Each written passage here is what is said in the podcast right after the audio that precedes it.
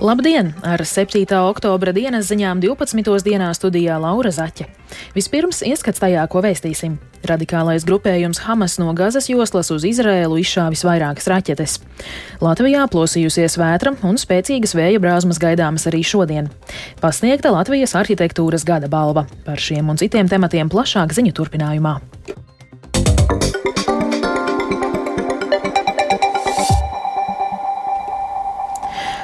Latvijā pagājušajā vakarā un naktī plosījusies vētra un spēcīgas vēja brāzmas daļā teritorijas gaidāmas arī šodien. Vairāk stāsta valsts ugunsdzēsības un glābšanas dienesta pārstāve Ilze Dāme Birziņa ir nepieciešams no nolūzušiem kokiem atbrīvot ceļa braucamās daļas vai ieklas. Savukārt eh, šorīt Alsu ielā Ventspilī koks bija nolūzis uz vieglās automašīnas. Vairāk izsaukumi vakardien tika saņemti tieši Kursums reģionā, vairāk izsaukumi bija saņemti Rīgas reģionā un Zemgalē.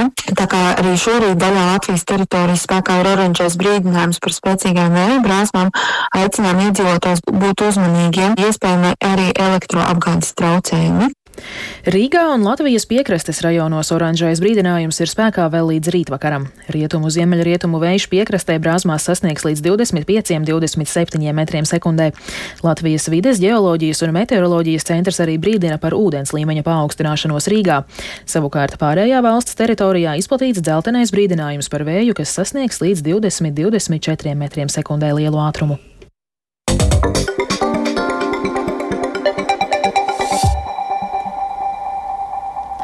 Vairāki desmiti radikālā grupējuma Hamas kaujinieku no Gāzes joslas šorīt iegājuši Izraēlas teritorijā un sarīkojuši apšaudes pierobežas rajonos. Tas notika pēc tam, kad Hamas ar raķetēm apšaudīja Izraēlu, nogalinot vismaz sešus, bet ievainojot vairāk nekā 200 cilvēku. Izraēlas aizsardzības spēki norādījuši, ka uz Izraēlu izšauti aptuveni 2,5 tūkstoši raķešu. Izraēlas drošības spēki ir uzsākuši pretterorismu operāciju.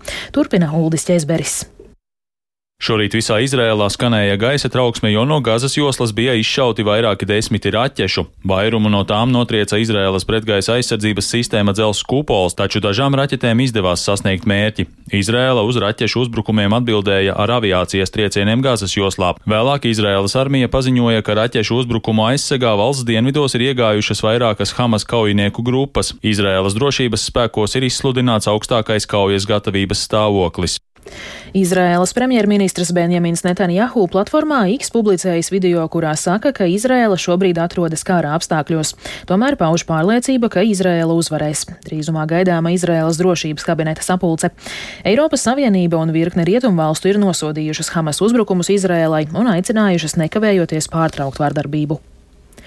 Ukraina var paļauties uz turpmāku ASV un Vācijas atbalstu tās cīņā pret Krievijas agresiju. Tā vakar pēc tikšanās ar ASV prezidentu Džo Baidenu paziņoja Vācijas prezidents Franks Walters Steinmeiers. Prezidenti arī uzsvēra ASV un Vācijas alianses nozīmīgo lomu, lai tiktu galā ar tādiem globāliem izaicinājumiem kā klimata pārmaiņas un pārtikas, pārtikas trūkums un aizstāvētu cilvēktiesības un demokrātiju pasaulē. Plašāk Ulda Ķēzbera ierakstā. Vācijas prezidents Franks Walters Steinmeiers vakar ieradās īsā vizītē ASV par godu Amerikas Vāciešu dienai, ko ASV gadu atzīmē 6.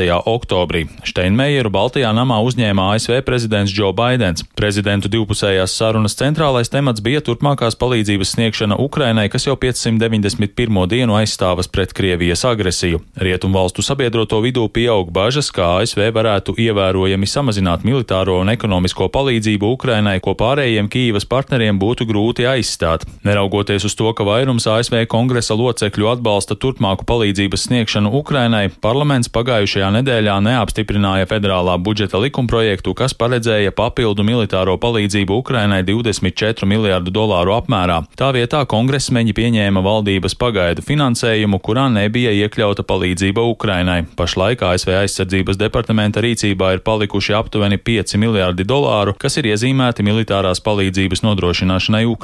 Baidens šonedēļ aicināja kongresa locekļus pēc iespējas ātrāk vienoties par papildu finansējumu Ukrainas militāro vajadzību nodrošināšanai, taču Baltais nams meklē arī citus veidus, kā iegūt Kīvai apsolītos līdzekļus. Steinmeiers pēc tikšanās ar Baidenu sacīja, ka viņš ar bažām vēro notiekošo ASV kongresā, tomēr izteica cerību, ka Baidena pārstāvētā demokrātu partija un opozīcijā esošā republikāņu partijas spēs panākt vienošanos. Vācijas prezidents uzsvēra, ka Ukraina arī turpmāk var paļauties uz ASV un Vācijas Vācijas atbalstu.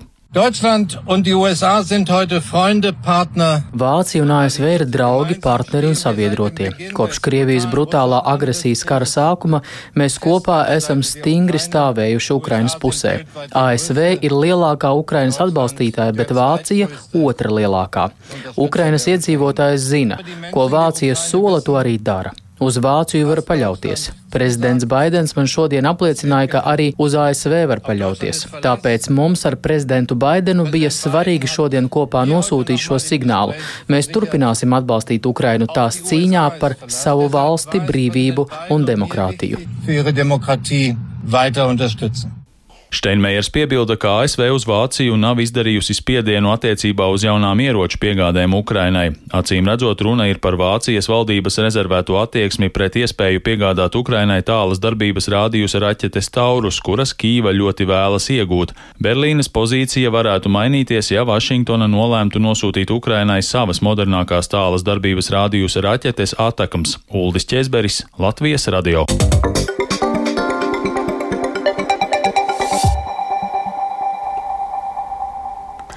Atjaunotajā VF kvartālā Vasarnīcas konferenču telpā vakar notika Latvijas arhitektūras gada balvas 2023 apbalvošanas ceremonija, kurā triumfēja birojas Made arhitekti. Starptautiskā žūrija par labākajiem atzina divus viņu darbus, galveno balvu piešķirot Dailes teātra skvēra pārveidei. Žūriju iztaujā devās Ieva Puķe. Cauri vējam un lietum uz VF kvartālu, kas arī joprojām ir pārmaiņu procesā, uz Latvijas arhitektūras gada balvas ceremoniju vakar steidzās gan Latvijas arhitektu zieds, gan starptautiskā žūrija, ko šogad vadīja Briseles galvaspilsētas reģiona būvniecības meistars un galvenais arhitekts Kristians Borets, kurš ir arī Gentes Universitātes pilsētvidas dizaina profesors Beļģijā. Un lūk, arī uzvarētājs - Dailes teātra priekšlaukuma jaunais veidos, ko radīja biroja Made arhitekti komanda. Miķelis Putrāms, Linda Krūmiņa, Māra Starka, Mārtiņš Vaskis, Krists Lūkins, Liena Šiliņa un Jēkabs Slava. Lūdzu Kristiānam Boretam pamatot izvēli. So you... Kāpēc jūs priekšplānā izvirzījāt tieši šo? Place, project, eh? Vispirms tas ir izcils projekts, bet, protams, ir patiešām svarīgi, ka arhitekti rūpējas ne tikai par ēkām un par labām ēkām, bet arī par labu publisko telpu. Jo pilsētu veido ēkas, publiskā telpa un ļaudis, kas to visu lieto. Šajā projektā viss ir perfekti paveikts. Cilvēki tagad lieto šo skvēru, kas iepriekš patiesībā viņus atbaidīja. Tās ir milzīgas milzīgas pārmaiņas. So Taču Made arhitekti saņēma vēl vienu balvu par koka biroju ēku lizumā. Ko par šo panākumu saka biroja dibinātāja Linda Krūmiņa un Miķels Putrāms? Es domāju, ka pasūtītāji šito ir pelnījuši. Teiksim, lizuma gadījumā tie ir privāts uzņēmums, Jā, kas, kas ir uzņēmums, uzņēmums avoti, Latvijas zelta uzņēmums. Kādā nozarē viņi strādā? Kokrūpniecībā. Un savukārt Dallas skvēra pasūtītājs ir ļoti sarežģīts. Daļa no skvēra ir valsts īpašums, daļa ir pašvaldības īpašums. Tā bija sadarbības starp Rīgas domu un uh, valsts nekustamiem īpašumiem. Un īsnībā Dailas skvēra gadījumā pasūtītājs ir arī teātris, jebkurš iedzīvotājs.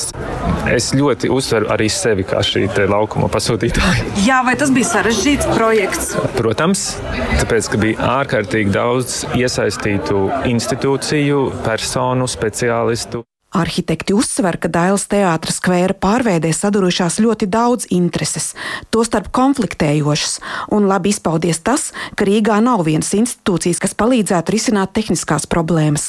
Taču žūrija, protams, vērtē tikai gala rezultātu, ko ikdienu bauda arī pati Made arhitektu komanda, kuras birojas atrodas netālu no Dailas teātra. Gada balvu saņēma arī birojas Mūd par saules aptiekas zāļu pagatavošanas nodaļas iekārtojumu Rīgā, bet īpašu atzinību sudraba arhitektūra par Valmieras teātra pagaidu māju vietu, Valmieras kurtuvi, kas izveidota bijušās Valmieras katlu mājas vietā. Ieva Puķe, Latvijas radio.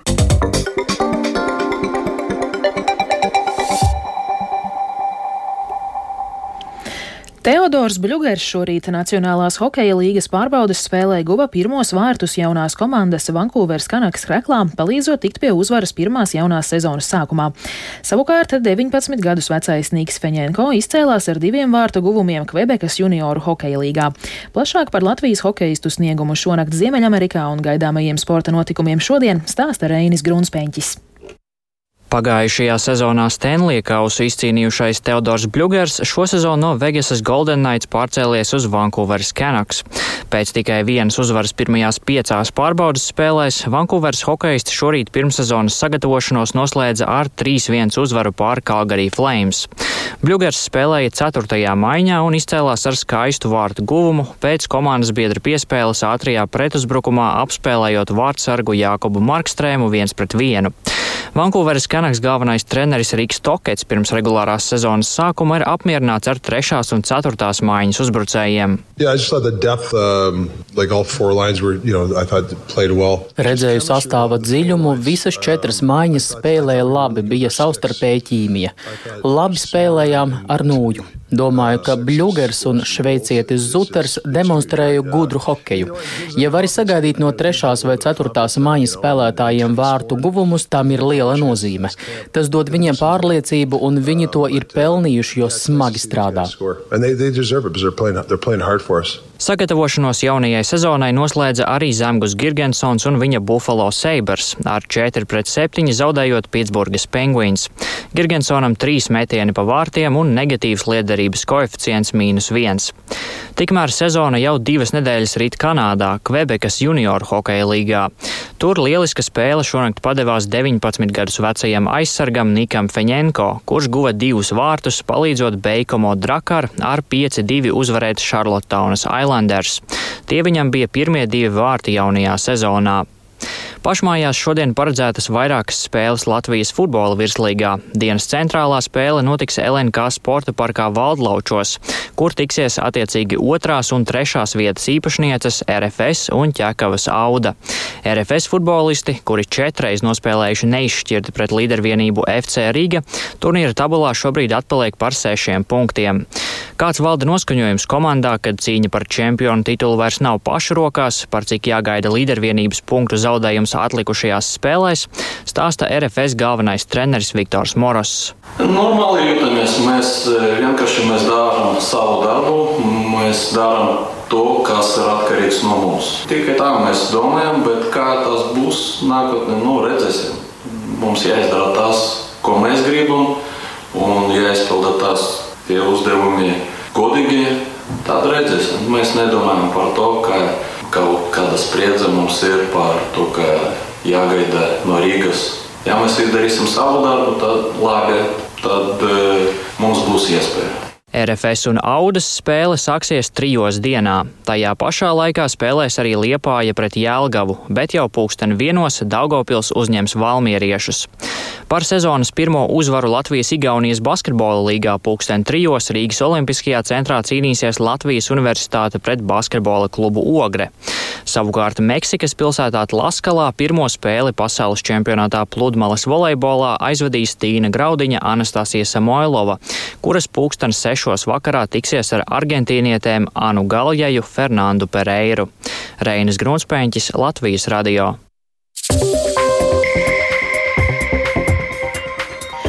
Ar to izskan 7. oktobra dienas ziņas. Producents Viktors Pupiks, ierakstus montēja Uldis Grīnbergs, pieskaņu pults Katrīna Bramberga, bet studijā Laura Zaķe. Īsumā par svarīgāko. Radikālais grupējums Hamas no Gazas joslas uz Izraēlu izšāvis vairākas raķetes. Latvijā plosījusies vētra un spēcīgas vēja brāzmas gaidāmas arī šodien. Pasniegta Latvijas arhitektūras gada balva. Un vēl tikai par laikapstākļiem. Yeah. Gaisa temperatūra Rīgā šobrīd ir 11 grādi un pūž ziemeļrietumu vējš 9 m2. Atmosfēras spiediens 746 mm, bet relatīvais gaisa mitrums ir 83%. Šodien Latvijā lielākoties mākoņains, daudz vietā pa laikam līst, vietām stipri un iespējams arī pērkona negaiss. Pūš rietumu ziemeļrietumu vējš 9,14 m2, brāzmās līdz 18,23, bet piekrastē līdz 25,27 m2. Gaisa temperatūra valstī no 11 līdz 14 grādiem. Rīgā pārsvarā mākoņains un pa laikam līst, brīžiem debesis gan skaidrosies. Arī Rīgā pūš ar brāzmains rietumu ziemeļrietumu vējš. Gaisa temperatūra ap 12-13 grādiem, bet laika prognoze 4. īpaši nelabvēlīga.